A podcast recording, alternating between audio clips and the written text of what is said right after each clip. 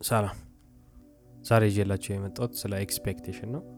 lower your expectation ወይም ደግሞ የምንጠብቀውን ነገር እንቀንስ ከህይወት የምንጠብቀው ነገር ከጓደኛችን የምንጠብቀው ከቤተሰቦቻችን የምንጠብቀው ከሀገራችን ከሁኔታዎች ከተፈጥሮ ራሱ የምንጠብቁት ነገር ቀንስ ወይም የምንጠብቀው ነገር መቀነስ አለብን። lower your expectation በጣም powerful ነው። በጥልቀት ካየነው በተለይ ደስተኛ መሆን የምፈልጉ ከሆነ ዝም ብላችሁ ራሳችሁን ጠይቁ። ምንድነው ብዙ ጊዜ ከደስተኝነት የሚወጣችሁ? expectation ኣችሁን የምጠብቁት ነገር ነው። ከሆነ ነገር የምጠብቁት ነገር አለ እና እሱ ነገር አልተሳካም። ለምሳሌ በቀን ይህን ብር ሳገኝ ነው ደስ የሚለኝ ብላችሁ ራሳችሁን አሳመናችሁ ሊሆን ይችላል። expect አድርጋችሁ ሊሆን ይችላል። የጠበቃችሁት አንድ ሺህ ብር ነው ሁልጊዜ በቀን ለመስራት የፈለጋችሁት። ስለዚህ ማለት ነው ያን ሙሉ ቀን አንድ ሺህ ብር እስክትሰሩ ድረስ ደስታም እንደሆነ አታውቁ ያ expectation ኣችሁ ያ የጠበቃችሁት ነገር ከዚህ ቀን የጠበቃችሁት ነገር ማለት ነው። ደስታችሁን ይነጥቃችኋል። ከአንድ ሺህ ብር ካነሰ ደስተኛ አትሆኑ disappoint ትሆናላችሁ። ለምን? የጠበቃችሁት ነገር ስላለ ነው። ግን መጀመሪያ ራሳችሁ ጠይቁ። መጀመሪያ ስንት ነበር የሰራችሁት? ከዛ በፊት ስንት ብር ሰርታችሁ ነው አንድ ሺህ ብር የደረሳችሁት? እሱ ነገር በጥልቀት ምስ ነገር ረሰዋለን በፊት አመጣጣችን እንረሳለን። አመጣጣችን እንረሳና ሁሉም ነገር ቋሚ ነው ብለን እናስባለን። አንድ የአሪፍ mood ላይ ከሆንኩ አንድ አሪፍ state ላይ ከሆንኩ life ኤ አሪፍ ከሆነ ስራ አሪፍ ከሆነ ደሞዝ አሪፍ ከሆነ ሁሌ የሚሆን ይመስለናል እና ይሄ expectation ኣችን ማለት ነው። even የምናገኘው ደሞዝ በትንሽ ብር እንኳን ቢቀንስ ማለት ነው። ደስታችን ይነጠቃል ሰላማችን ይነጠቃል። ይሄ ሁሉ የሆነው ግን በ expectation እውነትን ስላላወቅ ነው reality ን ስላላወቅ ነው። እንዴት አለም እንደሚሰራ እንዴት ህይወት እንደሚሰራ ስላላወቅ ነው። which is ትልቁ እውነት ሁሉም ነገር ጊዜ ነው። ሁሉም ነገር ያልፋል። የዛሬ አምስት ሺህ ዓመት ራሱ የሚሰራ ነገር ነው። ለምን? አልፎ አምስት ሺህ ዓመት ደረሰ። ስለዚህ ህይወታችንም በዚህ ውስጥ እንኑር ይሄ disprove ማድረግ አይቻልም። ስለዚህ ማለት ነው ሁሉም ነገር ጊዜ ከሆነ የእውነት እዩት ጠይቁት ራሳችሁን። እውነት ጊዜ አይደለም ሁሉም ነገር ሁሉም ነገር። ስለዚህ expectation ኣችሁ ትርጉም የለውም። expect ማድረግ ነገሮችን መጠበቅ እናንተ እንደፈለጋችሁት ማለት ነው። ከእንደገና እዛ ላይ መጣበቅ ካልሆነ ሞቼ እገኛለሁ ማለት ሰላም የሚያሳጣ ነገር ነው ደስታ የሚነጥቅ ነገር ነው። እሱንን ነው የሆነ አሁን ምንድን ነው idea ው ማለት ነው? ምንድን ነው ሰላም ያሳጣኝ ምንድን ነው ደስታዬን ያሳጣኝ ብሎ መጠየቅና መልስ ማግኘት ነው። አንዱ መልስ expectation ኣችሁ ነው። የምጠብቁት ነገር ነው። ከ life የምጠብቁት ከጓደኛችሁ የምጠብቁት ከቤተሰብ የምጠብቁት ከሀገራችሁ የምጠብቁት ከሁኔታዎች የምጠብቁት እሱ ነው የሚያሰቃያችሁ እሱ ነው ደስታችሁን የነፍጋችሁ ያልኩ ነው። ምን ያህል እውነት ነው? አብረን እንየው አብረን እንየው። ለምን? አብዛኛው ደስ የሚለን ነገር ብዙ ጊዜ የጠበቅነው ነገር ስለተሳካ ነው። የፈለግነው ነገር ስለሆነ ነው ግን ራሳችሁ ጠይቁ ስንቴ ነው እንደዛ ሆኖ የሚያውቀው? ከስንት አንድ ያለው እንደዛ የሚሆነው? even የምንፈልገው ነገር እያገኘን ራሱ ያልጠበቅነው ነገር happen ካረገ ደስታችንን እናጣለን። ስለዚህ ይህን ያህል sensitive ነን። ይህንን በጥልቀት ማየት አለብን ብዙ ጊዜ ማለት ነው። expectation ስለ conscious ና unconscious አሉ። reasonable ና unreasonable አሉ።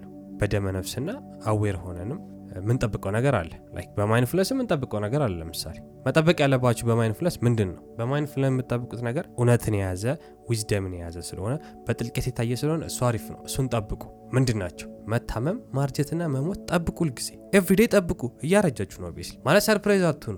ስታረጁ surprise አትኑ ስትታመሙ surprise አትኑ ልትሞቱ ስትሉም surprise አትኑ ወይም ደግሞ ሌላ ሰው ሲሞት surprise አትኑ እሱን expect አድርጉ። እሱ ትክክለኛ expectation ነው because ከእውነት ጋር የሚሄድ ነገር ነው እሱ ምን ይባላል? mindful ሆናችሁ ልብ እያላችሁ expect የምታደረጉት ነገር አለ። እሱ ህይወታችሁን ያጣፍጠዋል ህይወታችሁን ደስታ ይጨምራል ሰላማችሁን ይጨምራል። የምታደረጉት ነገር ትርጉም ያለው እንዲሆን ያደርጋል። ለምን ስለምትሞቱ ለምን ስለምታመሙ ለምን ስለምታረጁ ለምን ስለሚያልቅ ህይወት።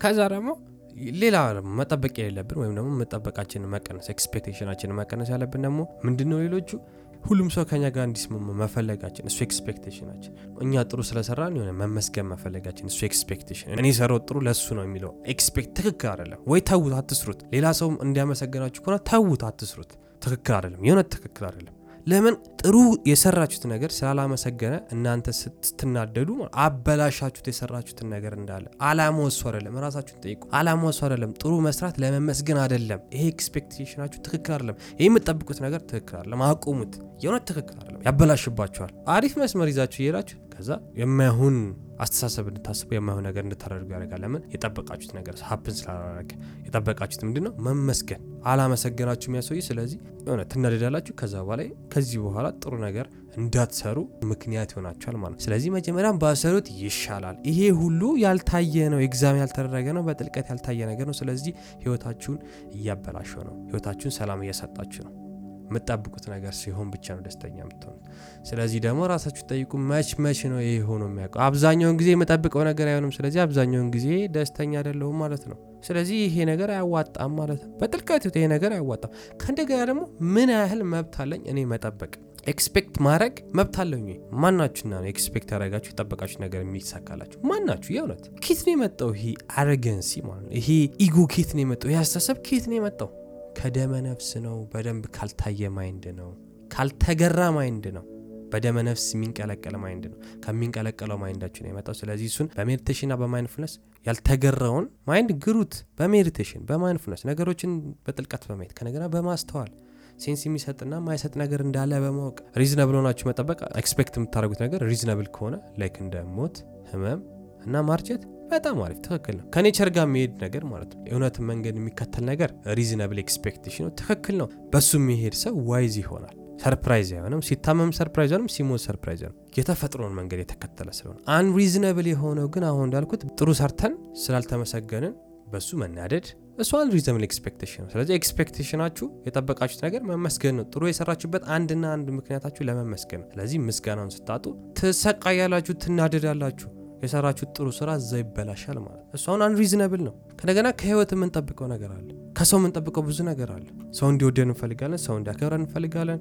ሰው ቦታ እንዲሰጠን እንፈልጋለን። እንጠብቃለን። አንዳንድ ጊዜ ይሄ ሁሉ sense አይሰጥም። ምን አገባችሁ? የፈለገ ሰው የፈለገውን ያርግ። እናንተ ለምን ትጠብቃላችሁ ከሌላ ሰው? ለምንድን ነው outsource የምታደርጉት ብቃታችሁን፣ ህይወታችሁን? ይሄ ሁሉ በደመ ነፍስ ወይም ያልተገናዘበ ህይወት ወይም በጥልቀት ያልታየ ህይወት እንደምትመሩ የሚያሳይ ነገር ነው። ስለዚህ ይህንን ተገንዝበን ማለት ነው እንመለስ፣ ወደ ራሳችን እንመለስ። ወደ ራሳችን የምንመለስበት ትልቁ ደግሞ መንገድ expectation ኣችንን የምንጠብቀው ነገር በመቀነስ ነው። አይጠቅመንም። ለምን ከኔቸር ጋር አይሄድም፣ ከተፈጥሮ ጋር አይሄድም። ሰላም መሆን ከፈለግን ተረጋግተን ነገሮችን እኔ በጥልቀት ደስተኛ መሆን ከፈለግን ከህይወት የምንጠብቀው ነገር እንቀንስ። ለምን ዝም ብላችሁ ታዘቡ። ብዙ ጊዜ የምትሰቃዩት ደስተኛ የማትሆኑበት ትልቁ ምክንያት የምትጠብቁት ነገር ስላጣችሁ ስላልሆነ ነው። የጠበቃችሁ ነገር አልተሳካም። ስለዚህ ትሰቃያላችሁ፣ ትናደዳላችሁ። ግን በጥልቀት ብታዩ ተረጋግታችሁ ማለት በጥልቀት ብታዩ እኛ ጠበቅንም አልጠበቅንም ሁኔታዎች እስካልተመቻችሁ ድረስ ያ ነገር አይሆንም። ከኛ ቁጥጥር ውጭ ነው፣ ከኛ ቁጥጥር ውጭ ነው የሚለው ነገር ግልጽ ይሆንልናል በጥልቀት ብናየው ኖሮ። ስለዚህ ደስታችን አይቀንስም፣ ሰላምን አናጣም። ለምን እውነትን ስለተረዳን ማለት ነው። ስለዚህ ምንድን የሚያሳየን meditation deep thinking ወይም ደግሞ በጥልቀት ማየት ማስተዋል ማለት ነው። መገንዘብ ነገሮችን የኔ ሙጥኝ ማለት ነው። የኔ መጣበቅ ነው። expectation ላይ የሆነ አምሬ ስለምጠብቅ ነው። ግን እውነታው ግን ማለት ነው ከኔ ቁጥጥር ውጭ ነው። እውነታው ግን ሁኔታዎች እስካልተመቻቹ ድረስ የጠበቅኩት ነገር አይሆንም። ስለዚህ የእኔ ደስታ የተወሰነው በነዛ በጠበቅኳቸው ነገር ከሆነ ይሄ ነገር ካልሆነ ደስተኛ አልሆንም የምል ከሆነ ውይ የፈለጋችሁትን አመት ኑሩ ማለት ነው። ብዙውን ጊዜያችሁን የምታቃጥሉት ደስተኛ ሳትሆኑ ነው። ደስታችሁን እንዳጣችሁ ነው፣ እንዳዘናችሁ ነው የምትኖሩት። እንደዛ የምታስቡ ከሆነ ህይወት ግን እንደዛ አይደለም የሚሰራው። reality እንደዛ አይደለም የሚሰራው። ተፈጥሮ እንደዛ አይደለም የሚሰራው። በጥልቀት ህይወት እስቲ ተረጋግቶ ማየት ብቻ ነው የሚጠበቅብን። በ business life አምጡት። በቀን ተቀን ህይወታችሁ survive ለማድረግ የምታደርጉት anything አምጡ። ለምንድን ነው ማታረጉት? because ሁልጊዜ የጠበቃችሁት ነገር አይሆን። ከእንደገና ደግሞ compare ስለምናደረግ ነው ከሌሎች ሰዎች ጋር compare ስለምናደረግ ራሳችንን ስለምናነጻጽር ከሌሎች ጋር ማለት ነው። ሁልጊዜ የምንጠብቀው ነገር ይጨምራል። ስለዚህ በፈለጋችሁት ሂዱ፣ ታዘቡት። ራሳችሁን ራሳችሁ አስታውሱ። እስቲ በጣም ደስተኛ ያልሆናችሁበትን ጊዜ አስታውሱ። እንዴት ነው የተነሳው? ለምሳሌ trip ሄዳችሁ የሆነ ቦታ ጉብኝት ሄዳችሁ ለመጎብኘት ሄዳችሁ ማለት ሳትሄዱ በፊት excitement ኡን ታቆታላችሁ። ላይ ጉጉታችሁ ያ ጉጉት አለ። ያ ጉጉት ከየት ነው የመጣው? ከ expectation ነው። የጠበቃችሁት ነገር አለ፣ የጠበቃችሁት ነገር አለ፣ የምታዩት ነገር ይህን ያለው ይህን ያለው ይህን ያለው። ግን አብዛኛውን ጊዜ ራሳችሁ ታዘቡት። እንደዛ ሆኖ ላይ የጠበቃችሁት ነገር ተሳክቶላችሁ ያቀለ አብዛኛውን ጊዜ አልተሳካላችሁም። ለምን? mind ኣችሁ ማለት ነው ያካብደዋል በጣም because ስላልገራችሁት በደመ ነፍስ ስለሆነ የምናስበው ሀሳባችን ውሸት ነው ያልኩበት ትልቁ ምክንያት ይሄ ነው። ይቆልለዋል የማይቆለል ነገር። አዎ trip ደስ ይላል፣ ጉዞ ደስ ይላል፣ መዝናናት ደስ ይላል። ግን አላስፈላጊ expectation አለ። ከአቅም በላይ የምንጠብቀው ነገር አለ እዛ ስንሄድ ይህ ሁሉም አልጋ ባልጋ ይሆንልናል ብለን የምናስበው ሀሳብ አለ ከመሄዳችን በፊት እዛ trip ማለት ነው። ግን እዛ ከሄድም በኋላ ማለት ነው የጠበቅነው ነገር አይሆንም። ስለዚህ wise የሆነ ሰው adapt ያደርጋል። የገባው ህይወት የገባው ሰው adapt ያደርጋል። በቃ ያይና በቃ ይስማማል ከ nature ጋር። wise ያልሆነ ሰው በደመ ነፍስ የሚኖር ሰው ግን ማለት ነው ልብ የማይል ሰው ግን ማለት ነው expect ያደረገው ነገር ያይቆለለው በ mind ኡ excite ያደረገው ነገር ካጣው which ብዙ ጊዜ ያጠዋል፣ ደስታውን ያጣል። በጣም መዝናናት ያቅተዋል። ሲያማርር ይውላል። ሄዶ ማማረር ብቻ ይጀምራል ማለት ነው። ለምንድን ነው የሚያማርረው ያ ሰውዬ? ከጎረቤት ዝም ብላችሁ አንድ ሰው ከእናንተ ጋር ይዛችሁ ብትሄዱ ሳይጠብቅ ማለት ነው ይዛችሁ ብትሄዱ እዛ trip ላይ እንደዛ ሰው ደስተኛ የሚሆን ሰው የለም። ምንም የጠበቀው ነገር የለም። ለእሱ ሁሉም ነገር አዲስ ነው። ስለዚህ እንደዛ መኖር እንችላለን። ግን የጠበቀው ሰውዬ expect ያደረገው ሰውዬ እዛ ሲሄድ ምንድነው ሲያደርግ የምትዩት? ሲያማርር ነው የምትዩት። ስለዚህ እንደዚህ አይነት ሰው አንሁን፣ እንደ ጎረቤት እየሆንሁን ሳይጠብቅ ሄዶ ማለት ነው ያጣጣመው መዝናኛውን ያጣጣመው እንደዚህ አይነት ሰው እንሁን። ይቻላል። አውቀን መሆን ይቻላል። wise መሆን ጠቀሜታው እሱ ነው። ልብ ማለት ጠቀሜታው እሱ ነው። ስለምናውቅ እውነትን የጠበቅነው ነገር አይሆንም። ማነው ጠብቆበት ሰው የሞተበት? የምታውቁት ሰው አለ አይደል? ዘመድ የሞተበት የሚያውቀው የሞተበት ጠብቆት ላይ የሞተው አይደለም። nature እንደዛ ነው። የጠበቃችሁ ነገር አይሆንም። አንዳንድ ጊዜ ደግሞ ሊሞት የጠበቀ ሰውዬ ይድናል። የጠበቅ ነው። nature እንደዛ ነው። ምንም አናመጣም። ጠበቅን አልጠበቅን ምንም አናመጣም። just ለምንድን ነው የማናውቀውን ነገር የምንቦጠልቀው ነው የሚለን nature። በጥልቀት ካየን ተረጋግተን ቁጭ ብለን ካየን ይህንን ነው የምንማረው። አብዛኛው ነገር አናቅም፣ ዝም ብለን ነው የምንቦጠልቀው። ህይወትን አናቀውም። ለዛ ነው የማይሆን ነገር expect የምናደርገው። ስላሰባችሁ ስላወራችሁ ማለት ነው ታውቃላችሁ ማለት አይደለም፣ በጥልቀት እስካላያችሁት ድረስ። ስለዚህ expectation ለወሬ ኤክስፔክቴሽን የምጠብቁት ነገር ቀንሱ ያልኩበት ትልቁ ምክንያት በጥልቀት አይቸው ነው። ስለዚህ እናንተ ሚዩት ከላይ ከላይ ሴንስ ላይ ሰጥ ይችላል፣ ግን እስቲ በጥልቀት ይዩት፣ በደንብ ይዩት። ምንድን ነው ጠብቃችሁት የተሳካላችሁ ነገር? እስቲ ንገሩኝ። እንደ ጠብቃችሁት የሆነላችሁ ነገር አለ? የለም። እኔ እርግጠኛ ነኝ የለም። ለምን መሰላችሁ? ማይንዳችሁ ልቅ ነው፣ ልክ የለውም። ጸጥ ካላችሁት ማለቱ የማየውን ነገር ነው የሚጠብቁ የማየውን ነገር ወርቅ ይነጠፍልኝ ይላል ማይንዳችሁ ጸጥ ካላችሁት። ስለዚህ ባንሰማውስ በጥልቀት አይተን ልብ ብለን ባንሰማውስ ለምን የማየውን ነገር እያደረግን እንኖራለን አይደል? ለምንድነው just ማንገረው mind ኣችን? ለምንድነው ስነስርዓት ማናስይዘው? እንደዛ ማለት ይሄ ነው። በጥልቀት የምታዩበት ትልቁ ምክንያት ስነስርዓት ለመያዛዝ ነው። mind ኣችሁን expectation ኣችሁን የምጠብቁት ነገር መቀነስ ነው። የምጠብቁትን ነገር የቀነሳችሁ ቁጥር ደግሞ ማለት ነው content ትሆናላችሁ፣ በ life ትረካላችሁ፣ በህይወት ትረካላችሁ። ትንሽ ነገር ያስደስታችኋል። ትንሽ ነገር ያስደስታችኋል። አስር ደቂቃ walk ማድረግ ያስደስታችኋል። ለምንም አልጠበቃችሁ፣ ምንም ክውክውንም አልጠበቃችሁ። ስለዚህ mind አችሁ ይታደሳል። ለምን የጠበቃችሁት ነገር የለም። ግን የሚሆን ነገር ጠብቃችሁ ከሆነ ማለት ነው አስር ሰዓትም walk ብታደረጉ ወይም ደግሞ እንጃ በ plane ራሱ የሆነ ቦታ ብትሄዱ በ private plane ራሱ ብትሄዱ expect ካረጋችሁ ማለት ነው አታጣጥሙትም። አስር ደቂቃ walk ይበልጣል።